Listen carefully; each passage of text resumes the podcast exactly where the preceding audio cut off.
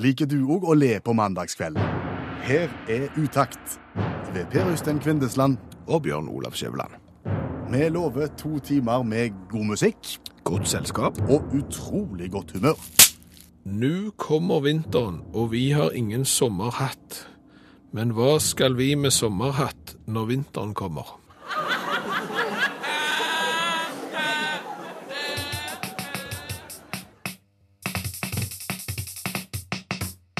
Velkommen. Kvindesland og Skjæveland lager utakt for deg, og formålsparagrafen er enkel. Ja, vi skal være godt humør på mandagskvelden, og så skal vi prøve å være i godt selskap. Og hvis vi klarer det, så skal vi være mer enn fornøyde på Øystein. Ja, og, hvis du har lyst til å hjelpe oss til å lage et godt program, så tar du gjerne kontakt underveis. Det kan du gjøre via SMS. 1987 sender du meldingen til å starte den med utakt, eller så kan du følge oss på Facebook eller Twitter underveis. Ja, for dette programmet lager seg ikke sjøl, ser du. Nei. Nei, og vi liker å si at det er et interkommunalt program. Det vil si at vi tar imot innspill og bringer det videre.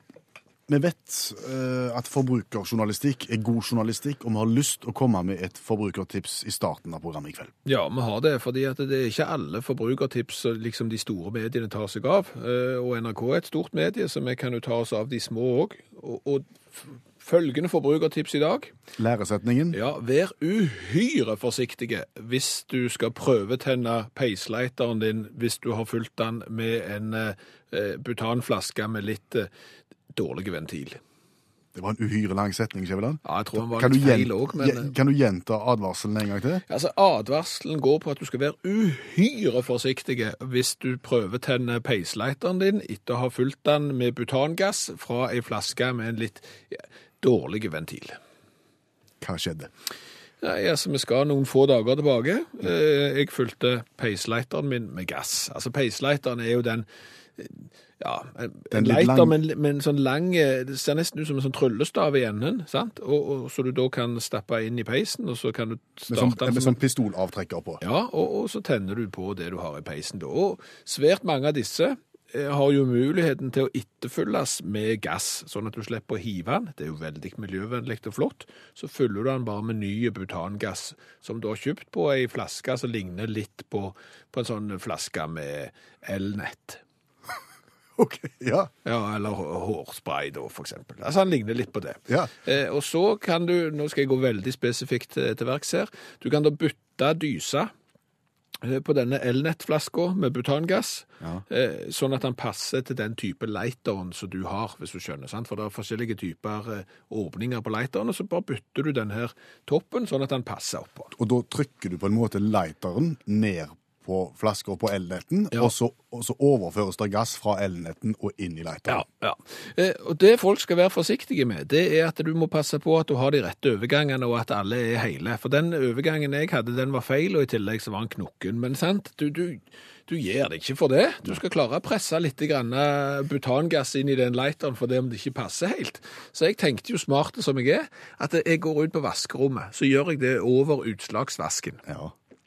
Eh, Nå tenker sikkert noen, ja, men gass er jo eh, gass, så det hjelper jo ikke om du er over utslagsvasken.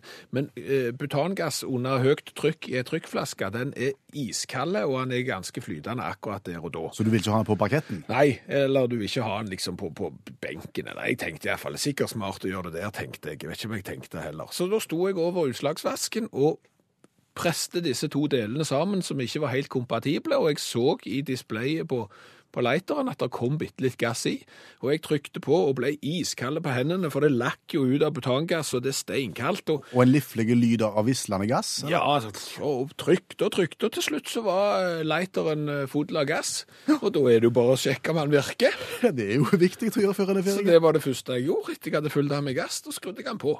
Ja. Gud, så det smalt. Oi! Det sa boff. Om det sa boff. Ja. Hele vaskerommet var jo ei ildkule med meg inni. Det er jo ikke tull. Halve Altså, for å si sånn, jeg er litt tynnere i håret på den ene sida nå. Jeg har ikke hår igjen på høyre hånd. Det er, er vekke fra der som genseren stoppet, og ned. Eh, Og det ene øyenbrynet Du har sett når du brenner hår. Du får en sånn artig liten sånn en afroavslutning på, på, på Og det fikk jeg på det høyre øyenbrynet. Og det smalt. Og gud, så det brant. Veldig korte tid, da. Du fulgte rett og slett vaskerommet med elnettgass, du, på en måte? Ja, altså du kan si at Når gassen da tydeligvis var så kald som den er når den er komprimert i denne Elnett-trykkflaska, så har jo den da vært tyngre enn luft og gått ned i eh, vaskekummen. Og etter hvert som jeg har jobbet opp et ganske brukende arsenal av butangass nedi der, så har jo den selvfølgelig fordampa når temperaturen stiger igjen igjen. Og det er klart at når jeg da tenner denne gode lighteren rett over dette depotet av gass, Så kunne det egentlig gått mye verre enn det gjorde. ja, og, og det er derfor at dette er forbrukerjournalistikk så vil noe være uhyggelig forsiktige hvis du skal fylle eh, peislighteren din med en litt dårlig dyse på butanflaska di.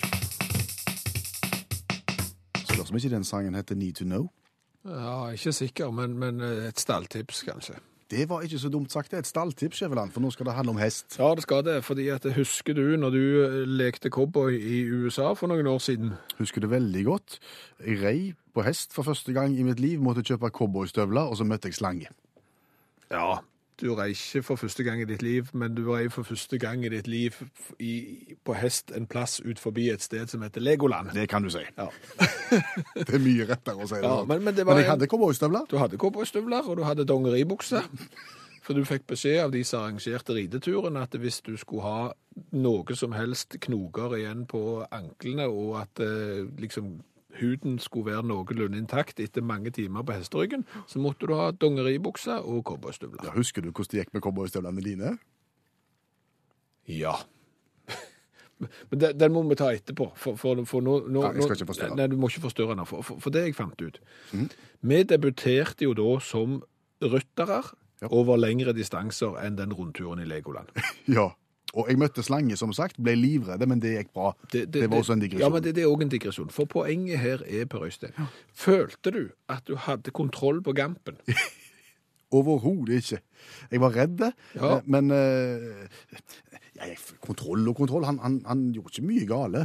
Nei, han luska jo etter de andre, men, men følte du liksom at du fikk han til å gå fortere når du ville han skulle gå fortere? Fikk du han til å stoppe når du ville han skulle stoppe? Egentlig ikke. Nei, hva, nei og, og det er derfor jeg bringer dette opp noen år etterpå nå. For hva sa du? Altså, hvordan, hvordan agerte du som cowboy når du ville at hesten din skulle stoppe? Sa jeg. Ja. Det har jeg alltid tenkt og trodd at det er det signalet som hesten eh, skal ta for å stoppe. Ja, jeg òg pro-andel. Eh, og, og, og, og jeg forstår heller ikke hvorfor ikke hesten reagerte, men nå forstår jeg hvorfor. Fordi Fordi jeg har eh, blitt gjort oppmerksom på det at eh, sånne lyder som du da bruker for å kommandere dyr, hest og andre dyr, de, de er ikke like. De, det er ikke internasjonalt ratifisert av FN eh, hvordan de lydene skal være. Det er ingen som liksom har sagt at fra nå av skal alle hester stoppe på prr. Er det bare i Norge de stopper på prr? Ja, altså, det er jo, de stopper på prr i, i, i Sverige òg, visstnok, men, men skal du stoppe på hebraisk, eksempel, så, så skal du bruke en annen lyd. Hva skulle jeg ha gjort i Amerika da, hvis de skulle fått den til å stoppe? I, i England Hoha! Hoha! Hoha! Og det er klart at der har du hatt en amerikansk hest, og den og da du har brr. Så jeg har tenkt, hva i all verden er det slags blekansikt som har satt seg på meg? Så liksom driver og proe? Hva i all verden er det nå? Muligens en Tasken-spiller. Ja, du, du, må, du må si hoha hvis du vil at jeg skal stoppe. Ja. Og det visste jo ikke vi, så den hesten stoppet jo ikke. Og hva, hva ville du sagt hvis du skulle få den til å gå fort da, den der hesten? Come on, come on, chicha, come on. Ja, giddy up, hvis han skulle forstått det i, i England. Giddy de, Ja, hupp, hupp, hupp, hupp. I, I Danmark er det mye hupping. Eh, hvis du på en måte har en hest som vokste opp på, på med urdu som, som hovedmål, så, så, så skal du si Sabahaga! Da vil han gasse opp, og så vil han, eh, vil han eh, hvis du skal sa en, eh, en urdisk eh, Heter det urdisk? Jeg tror ikke det. En eh, urdisk hest stopper da på Eista. Okay. Eista. Men, men, men sånn er det. altså Det er ikke bare hest. Det, det er andre lyder òg. For eksempel, eh, vi har jo katt. Mm. Hvis du skulle lokt på vår katt, eh, hannkatten Pippi Klassisk sånn kattelokking er jo pss, pss, pss, pss, pss, pss, pss, Kom da, pus. Ja, vel. Ja, den har jeg òg brukt. Den brukte jeg nå forrige helg når jeg lette etter den og fant den under en snøscooter i, i heia. Så var det pss, pss, pss, pss, pus, pus, pus. Den, den virka. Den virker i Norge. Vil ikke virke i utlandet? Vil eller? ikke virke i utlandet. Det, det, det det som er hele poenget. Det er andre lyder. Altså, kitty, kitty, kitty i, på engelsk, eh, for eksempel. Eh, enda verre hvis du skal ha japansk pussing. Sånn ps, ps. Det Neko-chan oide. Neko-chan oide. sant? Altså, det er klart at du Og dermed så må du vite hvilket land du er i, og hvilket dyr du har. Skjønner, Skjønner, skjønner. Hvis du eksempel skal, skal lukke på en kylling Lukker på kylling, men OK, ja. Ja, hva, hva, lyd, hva, hva lyd ville du brukt da? Nei, jeg vet ikke. Jeg tror jeg hadde gått for samme som pusekatt, kanskje. Puss, puss, puss. Ja. Det som er oppsiktsvekkende, er at etter det jeg har grunn til å tro, Ja. så er det bare to nasjonaliteter som har et avklart forhold til lyden de skal bruke når de lokker på kylling. Og det er russerne og tyskerne. Hva gjør russeren? Russerne sier zipp-zipp. Mens, mens tyskerne sier putt-putt for, å- for å lokke til seg eh, kylling. Vi andre folk vi, vi har ikke et avklart forhold til det. Nei. Så vi, vi spiser de istedenfor. Ja.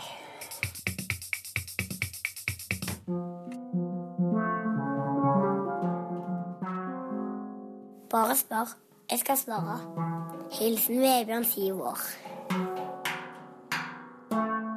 Du som hører Utakt for første gang, skal vite at eh, staben, Kvinnesland og Skjæveland gjerne er forsterka med ungdom. Ja, vi har med oss Vebjørn. Han er sju år, går i andre klasse på Ålgård eh, skole. Og han har jo veldig mye livsvisdom. Han har, han har sopt med seg mye eh, livserfaring på sine få år. Ja, og han er jo da villig til å dele dette med deg som hører på radio. Mange av dere som hører på, sender inn spørsmål til Vebjørn, og Vebjørn går igjennom de og, og plukker ut ett for hver uke som han vil svare på. Og, og det han har svart på i dag, omhandler vel om rengjøring på bad, gjør det ikke? Ja, det er rengjøring av dusj- og blandebatteri. Du får det der han er kalkbelegget, du får såperester osv. Glasset i dusjen og, og blandebatteriet er vanskelig å få rent. Og vedkommende som har spurt her, eh, han heter Trond, alder uvisst, føler ikke at de kommersielle produktene som du skal spraye på og skylle av, virker spesielt godt. Har Vebjørn et svar på hva som virker, da? Han har et forslag til det, ja. Stikkordet her er vedovn. Vedovn. Det var jo et naturlig stikkord eh, når vi skal snakke om rengjøring av dusj. Kanskje ikke, men du har nok fått med deg at hvis du skal rengjøre glasset i vedovnen, så tar du aska fra peisen på litt både tørkerull og vasker glasset med det. Ja, det stemmer. Det, det har jeg prøvd, og, og det virker godt. Litt skrubbing, så blir det rent. Iallfall etter hvert. Nettopp. Glasset blir rent, og det samme blir dusjen når du bruker aska som vaskemiddel. Bruk samme framgangsmåte. Fuktige tørkerull. Dypp det i fine aska, og vask over dusj og blande batteri. Ja, Men blir det ikke mye søl og, og graps i dusjen av all denne aska? Det pleier å bli litt drypping for meg iallfall når jeg vasker glass i vedovnen. Klart det blir litt askerester og drypping av det. Men fordelen er jo at du er inne i en dusj. Da kan du bare spyle det vekk med kaldt vann. Ja, Hvorfor kaldt vann, og hvorfor ikke varmt vann? Kaldt vann er ikke så kalkholdig som det varme vannet fra varmt vannspreder inn. Et annet godt tips er å spyle glass i dusjen med kaldt vann etter bruk. Da blir det mindre kalkdannelse, og du trenger ikke gjøre det rent så ofte. Ja, alt du kan. Har vi det da? Jepp. Kort og greit fra Vebjørn 7. Ja, og hvis du har et problem som du vil at Vebjørn skal hjelpe deg med, så sender du en mail. Utakt krøllalfa nrk.no, utakt krøllalfa nrk.no, og der kan du være tilsynelatende anonym. Klokka passerer fem over halv elleve mandagskvelden. Og for ca. ti minutter siden så snakket vi om den gangen vi rei på hest i USA og måtte utstyre oss med cowboystøvler, dongeribukser og hatt. Ja, eh, og det vi lovte vi skulle ta opp igjen, det er jo det er ikke lett å bli kvitt cowboystøvler. Nei, det er ikke det. Fordi at eh, når du skal ri én gang i USA, så går du ikke til innkjøp av nye, flotte cowboystøvler. Du går i en slags bruktsjapp og får tak i noen som har vært ute en vinternatt før. Ja, det, det gjør iallfall vi, for vi har jo ikke et behov for å begå linedance etterpå når vi kommer hjem. Eh, Og dermed så ble det å kjøpe cowboystøvler det ble noe vi skulle bare gjøre en eneste gang, og så skulle vi kvitte oss med dem. Det var veldig greit for deg, for du har jo en størrelse som er litt ulik min, eh, og du fikk deg noen cowboystøvler til en billig penge. Ja, og de så fine ut. De Ja. så helt streit ut. Det var, det var et sånt bruktutsalg hvor de hadde alt fra, fra eh, voksduk til, til, til gyngestol og cowboystøvler. Ja, og, og når jeg da skulle se om jeg kunne finne et par med cowboystøvler som passet til meg, så er jo det innenfor den sjangeren størrelse 43, og det er jo den størrelsen som sikkert alle mannfolk i hele verden stort sett skal ha cowboystøvler i. Så de fleste var ute. Yes, det var ett igjen. Mm, og det var skeivt. Om det var skjevt, det var så Altså, han som da har på en måte donert sine gamle cowboystøvler til denne her butikken her, han må jo ha han må jo ha sittet på hest hele sitt liv. For, for, for beina hans må jo ha hatt samme formen som buken til en hest. Altså maken til hjulbeinte person skal du lete lenge etter å finne. For hælene på cowboystøvlene, og dette er ikke overdrivelse i det hele tatt, hælene var 45 grader skeive. Inn, inn mot hverandre. Ja, og det var komplett umulig å bruke de cowboystøvlene til noen ting som helst annet enn å sitte på hest. Hvis du gikk av hesten, så var det jo som å gå på høyhælte sko som var skeive. Det var helt umulig. Så, så når vi da skulle hjem fra denne cowboyturen, så tenkte jeg de cowboystøvlene der skal aldri være med til Norge. Nei. Og da var vi på ei, ei, Vi bodde på ei lita hytte langt oppe i staten Arkansas, inne i skogen. Ja.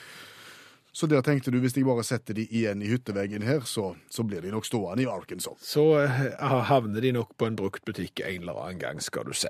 Så gjorde vi det, og så dro vi til flyplassen i Memphis, som er en tre-fire timers kjøretur derifra, og satte oss til å vente i avgangshallen. Ja, da kommer det en bort med cowboystøvlene mine. Du, du glemte disse. Og jeg hadde jo ikke hjerte til å si at vet du hva, jeg bare satte det igjen fordi at A, de er kjempestygge, B, de er komplett umulige å gå med for hælene 45 grader skeive. Du sa å, å, tusen takk skal du ha, de har jeg glemt, sa du, Ja. og var hyggelige. De var hyggelige. Han var en del av reisefølget. Så eh, dermed så satt vi der og, og venta, og så gikk vi bort eh, på en eh, pub, og så tok vi eh, jeg tenkte en liten ventepils før vi skulle fly i 150 timer. Så da tenker jeg jeg bare setter de under baren her, jeg. Jeg lurer de litt under bordet på sida. jeg lurer de under bordet, og så kan vi dra til Norge uten overvektige cowboystøvler. Ja. ja. Så det gjorde vi. Det gjorde vi, og det gikk kjempefint. Jeg bora flyet, det gjorde du òg, og vi kom oss fint hjem til Norge. Og jeg dro hjem til mitt eget hus, og etter ei uke kom jeg hjem fra jobb til mitt eget hus. På trappa sto cowboystøvlene. da var det noe med lapp. Du glemte disse på flyplassen i, Mem i Memphis. Så heiv jeg de. Til helga er det valentinsdagen, Skjæveland. Gleder du deg? Jeg hadde ikke tenkt på at det var det engang. Jeg har ikke noe forhold til det. Jeg, jeg er vekkreist på dagen. Du er bortreist På... Jeg er bortreist på dagen. fordi det er vinterferie. Ja. Men eh, det har noe med hjertet å gjøre, det har noe med din kjære å gjøre, og det har noe med på en måte å vie, opp- vie oppmerksomhet, har det ikke? Ja, men det er amerikansk, er det ikke det? Jeg vet ikke. Du tar avstand, rett og slett? eller? Nei, ja, litt grann. Men jeg er jo så heldig, og vi er så heldige at vi har jo folk som har greie på ting som vi ikke har greie på, og det er allmennlærer Olav Hove med to vekttall i musikk. Mm. Han har et sterkt forhold til valentinsdagen. Det er jo alle hjertes dag. Det er liksom den dagen i år du skal feire kjærleiken. Det er ikke verre enn det. Eh, Men det er jo mest vanlig i disse her landene der en eh, snakker eh, Der en lager romantiske komedier og sånne ting. Sånn som America og, og England og sånt. Men uh, Når- Ja, men når du vil lære oss hvordan vi skal feire den, hvordan vi skal oppføre oss på en dag som det, vil du da sende oss til Amerika eller til England? Nei, det er klart, når det er, når, når det er litt ullent og litt vanskelig, så syns jeg vi skal gå til Belgia. For i Belgia der har de løst problematikken rundt dette her med alle hjertes dag. For det, vet, det er jo ikke bursdag, det er jo ikke bryllupsdag, det er ikke morsdag eller bots- og bededag eller fastelavn. Du veit liksom ikke hvordan du skal forholde deg til skiten. Nei. Og Derfor så er det, kan det være greit å få hjelp i Belgia. Hva har de funnet ut i Belgia vedrørende valentinsdag? Jo, universitetet i Leuven, som vi vet, eller Hrr, som det heter på flamsk, der har de løst problematikken. Der eh, de to, tre forskerne Morten, Tjorven og Jørón, uttales Hrr, alle tre, de har, de har kommet opp med et konsept da, innenfor tankegangen 'Love you to the moon and back'. Eh, og det er sånn at eh, De vil at eh, du kan få sende hilsener til din kjære, og så skal de ta seg av resten. Du sender en hilsen, f.eks. 'Kjære Frida', eller hvem du nå måtte ha. liksom, jeg er syns du er helt OK. Så kan du sende den meldingen til, til Morten eller Tjorven eller Ja, Så, så, så tar de seg av det her. og Litt så- sånn som nattønske i NRK? Ja, det er akkurat det samme. Og så, og så, eh, så, så, så sender de da hilsingen din De setter hilsingen din da digitalt inn i en, eh, en, en sånn minisatellitt. Eh, liten boks. I lag med forhåpentligvis, for herr og herr, at det er mange millioner sånne hilsninger, så kan de tjene litt penger på det. Så sender de satellitten opp i verdensrommet, da. Uh, love you to the moon and back. It's written in the stars. Uh, så, så skal da denne satellitten i ti år gå rundt jorda med hilsingen din til din kjære om bord. Vel, og hvor, altså, hva er poenget da? Hvordan får min kjære vite at det er en digital melding som driver og sviver rundt eh, jorda der sammen med resten av Leica? Akkurat det er et problem, eh, altså, herr Skjæveland. fordi at eh, her, denne her satellitten blir sendt 500 km oppi, sånn at det ikke kødder med flytrafikk og sånn fandenskap.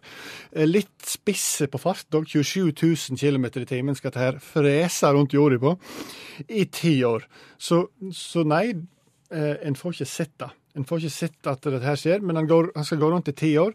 Og da skal han, eh, da, skal han da eh, gå inn i atmosfæren og eksplodere og bli ei vakker stjerne. Mwah.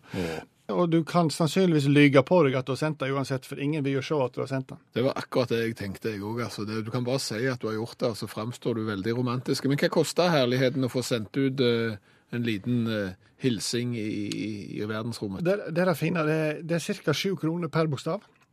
Så hvis ikke det er hun Gregorius datter Rotevatn du har rota deg borti, så er det ganske billig. Og så er det en glede å registrere at eh, coladugnaden vår blomstrer. Colaløftet Colaløftet. virker, og nå skal vi forklare hva det er. Vi har tatt mål av oss i 2015 til å smake på så mange typer cola som overhodet mulig. Og så tenker du gjerne, er det så vanskelig da?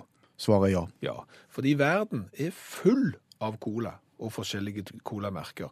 Og det er klart at skal vi få tak i disse, så må folk ta de med seg for der de er, og nå virker det. Ja, Senest nå for en time siden så fikk jeg henvendelser fra Spania, hvor det er meldt inn tre colaflasker til programmet Utakt. Rett etterpå så kom det en henvendelse fra det fjerne Østen. Eh, Der også er det da påmeldt flere colasorter.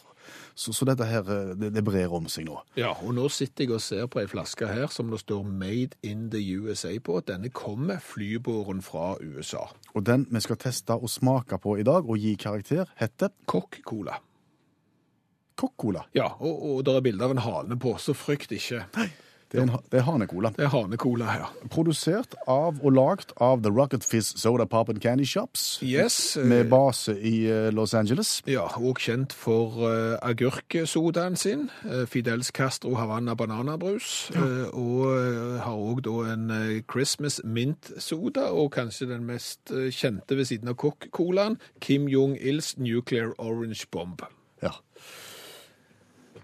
Allsidig firma der, altså. Vi skal, Ja. vi skal, snakke, vi skal smake på Kokk-colaen i kveld, og vi skal gi den karakter. Og Da har vi to forskjellige si, kategorier som vi gir poeng fra én til ti. Den ene går på smak, Ja. og den andre går på det som vi kaller kulhetsfaktor. Eh, ville du bli sett med en flaske Kokk-cola i hånda, Ja, for det, for det er jo sånn, appearance is eh, everything, sant? Og det er klart at enten så kan du drikke en brus fordi den er kjempegod, eller så kan du drikke en brus fordi at du blir sett på som en kjempekul fyr, eller så kan du drikke en som er både kul og god. Ja. Og Vi har smakt på ganske mange allerede så langt i år, og den som leder, det er jo da Fentimans Cherry Tree Coke. Uh, britisk sådan har fått 24 av 40 mulige poeng. Ja, så det er jo enda en vei å gå, men den var vel noe sånn økologisk dyrka, noe mirakels den. Da åpner vi. God lyd. Og går løs på Coca-Cola fra The Rocket Fizz Soda Pop and Candy Shops USA. Nå er vi Ja, spente. ja, ja, det bruser livligt. Ja, og Hvis du skal si noe om fargen, så ser han han, han er veldig mørk. Han, altså Hvis det er mulig å få en mørkere enn en vanlig cola, så er han faktisk det. Ja, han er På grensa til svart. På grensa til svart. Klar, ferdig, gå.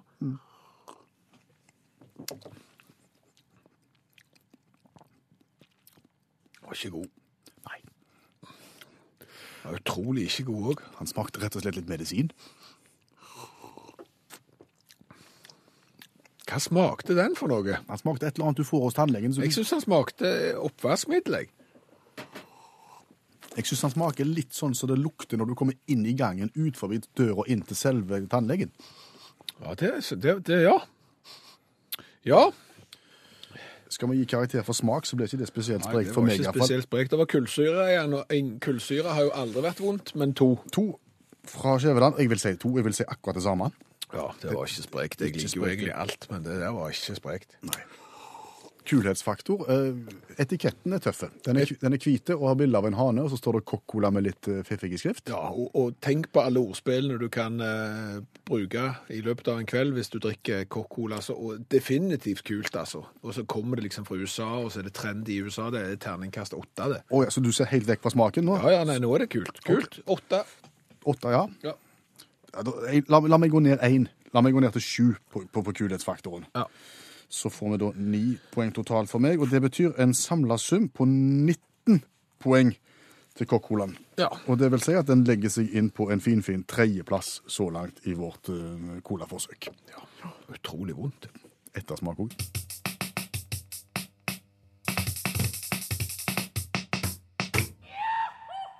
Konkurranse, og mange har meldt seg. Det har de, og vi har valgt ut eh, Vidar Myrland, som eh, skriver at han sitter på Setermoen eh, i Bardu. Vi har ingen grunn til å ikke tro han der. God kveld, Vidar. Ja, god kveld, god kveld. Jo da, jeg sitter her, og det er godt å sitte inne, for det, det er grisvær ute. Er det det? Ja, har du merket Ole veldig du i helga som var? Mm, Egentlig ikke, for på Innlandet så Vi ligger i le på en måte. Men hvis du skal avgi en vær- og førerrapport akkurat nå, hva er det du sitter og ser på? Jeg nå sitter og ser på, eh, på, på, på eh, slalåmet. Akkurat. Går- det bra med de norske? Eh, Hvordan gikk det med Mowinckel? Gikk det bra? Ja, det gikk ikke så Hun kom litt på etterskuddet. Hun, eh, hun ene norska, hun, hun kan, Hva det kalles for hun, hun kjørte i en port, så eh, hun gikk fort ut. Ja. Og hun Mowinckel, hun Ja, det gikk ikke som helt. Det gikk ikke som vi håpte. Nei da, men hun kom nå i mål. Ja. Da håper vi at det går bedre med han videre når han skal gå i gang med kveldens nøtter. Og, og konseptet her er som det alltid er. Vi sitter med Barnas store spørrebok eh, fra 1975. ja. Og du- Med 68 sider i, og så velger Vidar bare et sideantall, og så finner vi et vilkårlig spørsmål. Svarer han rett, så får han gladjodling. Og svarer han feil, så er det tristjodling.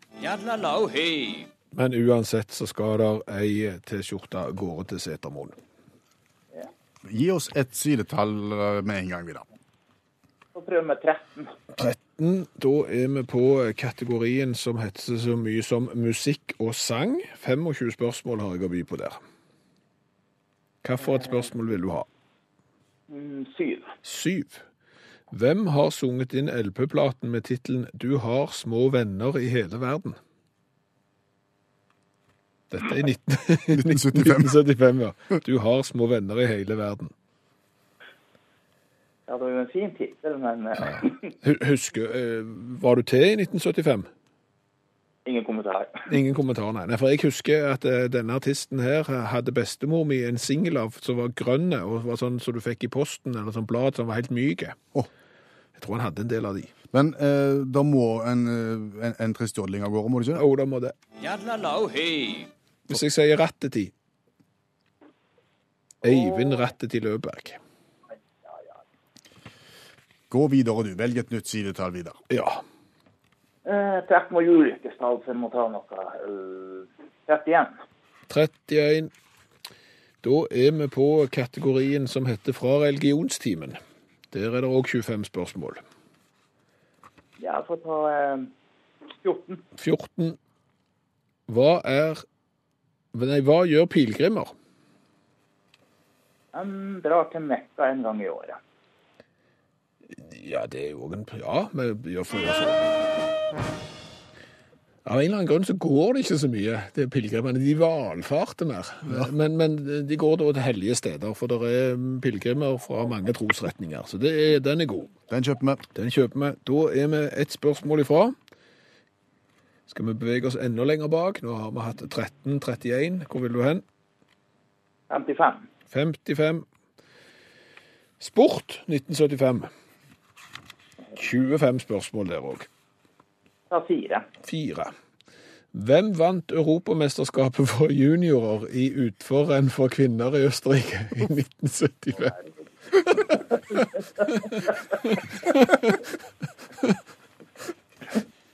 Ja, ja, ja. Kan, kan du gjenta spørsmålet? Ja da. Hvem vant eh, Europamesterskapet for junior i utfor for kvinner i Østerrike i 1975?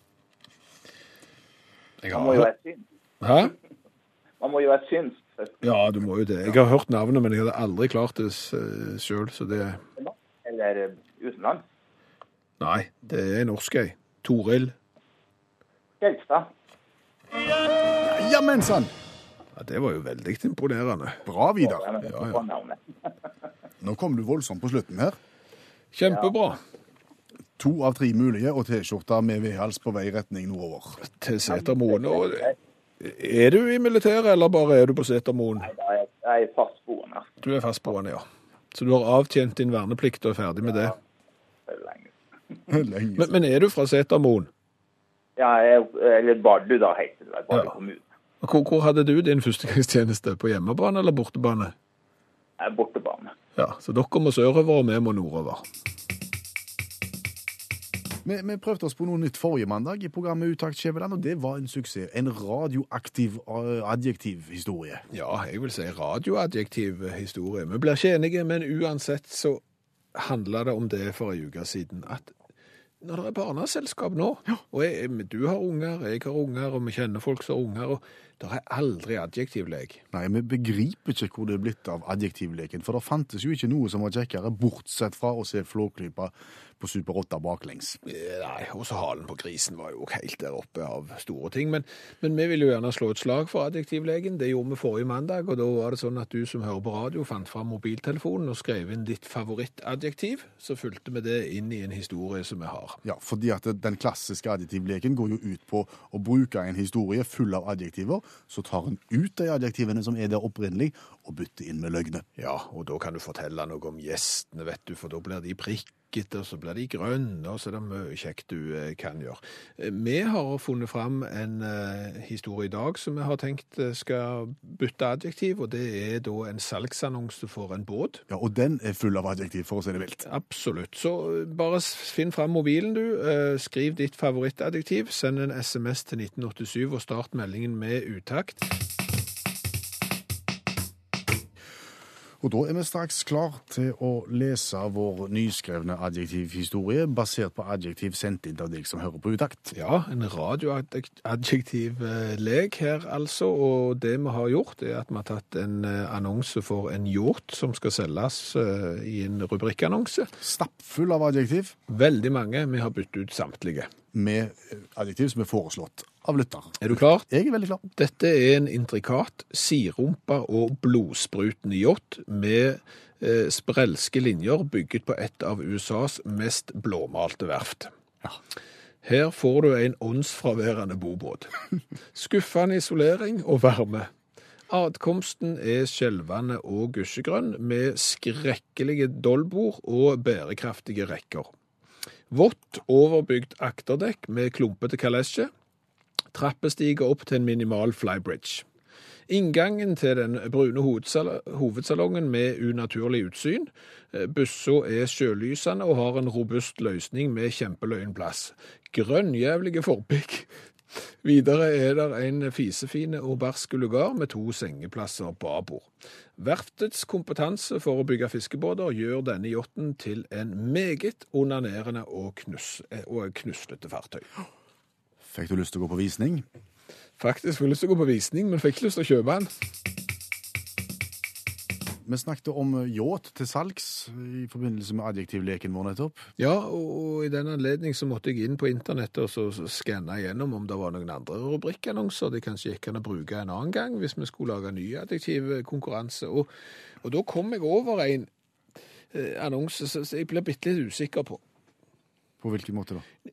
Nei, jeg bare tenker på at det, hvis du skal selge noe, sant, så er det jo greit at det framstår greit. Ja, Ja. gjør det? Ja, veldig. og, og, og det er klart at det er noen ting du skal selge som kanskje bør framstå litt greiere enn andre ting. OK. Hva er objektet her? Paraglider. Hva er en Altså, paraglider? en paraglider er på en måte en fallskjerm, men du hopper ikke ut fra flyet igjen. Du starter oppe i åssida, og så tar du fulle, fulle, fulle fart, og så flyr du plutselig. Sant? Så det er litt som en sånn flyvinge... Ja, fallskjerm-aktige greier. Ja. Og, og her er det da en som selger en, har lagt ut i dag. Ja. Fin paraglider vurderes solgt. Greit, så langt. Vingen er teipet og fungerer som den skal. Det, det, det er der jeg dette av bitte litt. Her skal du springe fulle, fulle, fulle fart ut forbi ei åsside med 350 meter rett ned, og vingen er teipa, men fungerer stort sett greit. Og det, og det er klart at OK, det går helt sikkert an å reparere paraglider. Det, jeg har ikke greie på det. Men, men jeg hadde vært litt grann usikker i det øyeblikket jeg hang i en hel haug med hyssing ned fra en seilduk som jeg visste at noen hadde teipa i toppen. Jeg, jeg tror gjerne jeg hadde, hadde funnet eh, en annen. Men OK, vingen har visstnok vært inn, inne til sjekk, og, og fungerer tilsynelatende De bra. de fant vingen feil. Ja, det er vingen, vingen feil. Men vi skal skifte tema. Vi skal snakke om noe som er vakkert og vent. Vi skal snakke om valentinsdagen som går av stabelen til helga. Vi hadde tidligere i programmet besøk av eh, allmennlærer med to vekttall i musikk, Olav Hove, som foredro litt om fenomenet valentin, og hvordan de gjør det i Belgia, f.eks. Mm. I bakkant av det så stilte vi han spørsmålet hva med de som ikke har en partner å dele valentinsdagen med? Hva med deg, Hove? Jeg skal ikke komme med tips, men jeg kan fortelle en historie om hvordan folk har løst det. Eh, Vi skal til Beijing, som alle vet, så er det i Kina. Og en mann, en internettentreprenør der, som eh, kaller seg for eh, UP. Ikke fordi han er fascinert av utrykningspolitiet, men fordi han helst vil være anonym, fordi han har irritert på seg en del elskovssyke her i denne verden. Han hadde en kjæreste, funka som søren, og han var òg veldig glad i romantiske komedier.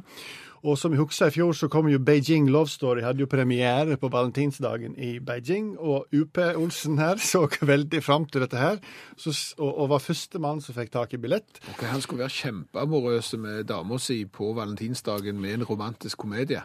Ja, for dette var jo den utvalgte, sant. Hans livs kjærlighet, og, og, og hva var bedre enn å få med seg premieren på Beijing Love Story, da. Noe sier meg at det ikke gikk sånn som han hadde tenkt. Nei, du kjøper billett, og så, så slår hun opp på, altså. Hun slo opp. Ja. Hun slo opp med opp.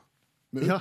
UP, ja. Og da tenker UP Olsen at da skal han gå til Chianti Cinema-komplekset helt alene og se på Beijing Love Story mens folk slafser og kliner rundt han overalt. Tenker det er søren meg ikke aktuelt. Så han gikk til Zianti Cinema-komplekset, som jeg sa. For de som noterer, så gjentar jeg det. Zianti. Og, og sa jeg vil gjerne kjøpe alle billettene til den forestillingen. Og han ville fylle opp salen sjøl, ja. Ja. Ja. Så sier de det er Beijing Love Story vi snakker om her, vi kan ikke bare gjøre slikt, så det får ikke du lov til. Så prøvde han ulike varianter, og gjerne kjøpe alle billettene i kan du si, mils omkrets rundt seg, slik at han kunne sitte inni en oase av tomme seter. Men de ante ugler i mosen og alt det der, og de, han fikk ikke lov å kjøpe det. Gikk ikke det heller, men så var han som sagt internettentreprenør, så han fikk tak i sånn eh, single folk eh, rundt om i verden og sette i gang med sånn crowdfunding. Det er jo ikke vanskelig å finne single mannfolk i Beijing. Det er jo Nei. ikke akkurat underskudd av de, så Der, der vrimla de. Men her fikk, han, her fikk han i Spanjakkenland og ene med det andre, rundt omkring overalt. Og så fikk han folk til å kjøpe billetter til den forestillingen her. Men ikke hele salen, de kjøpte annethvert sete. Sånn at folk rundt, single menn og kvinner over hele verden, eide da annethvert sete til Beijing Love Story. Så kunne de ha det så godt, disse her som skulle kline og se på denne fine filmen. Det var ikke mulig å sitte ved siden av kjæresten din, du kunne sitte bak eller framfor. Og sånn ble det. Og sånn ble det. Og Uppe Olsen syntes det var stas og la ut festlige meldinger at nå kan de ha det så godt på Twitter og sånne ting, og enda opp med at eh, navnet hans ikke lenger er blitt nevnt, men kaller seg kun for UP. Hvordan gikk det med kjærlighetslivet til UP etter dette? Er det noen historie om det? Nei, men det var en del syrlige ting om at det kunne være en grunn til at han var singel. Men, men. Sånn er det. Nei, det var Stand By Your Ham fra Pig Aid 2008.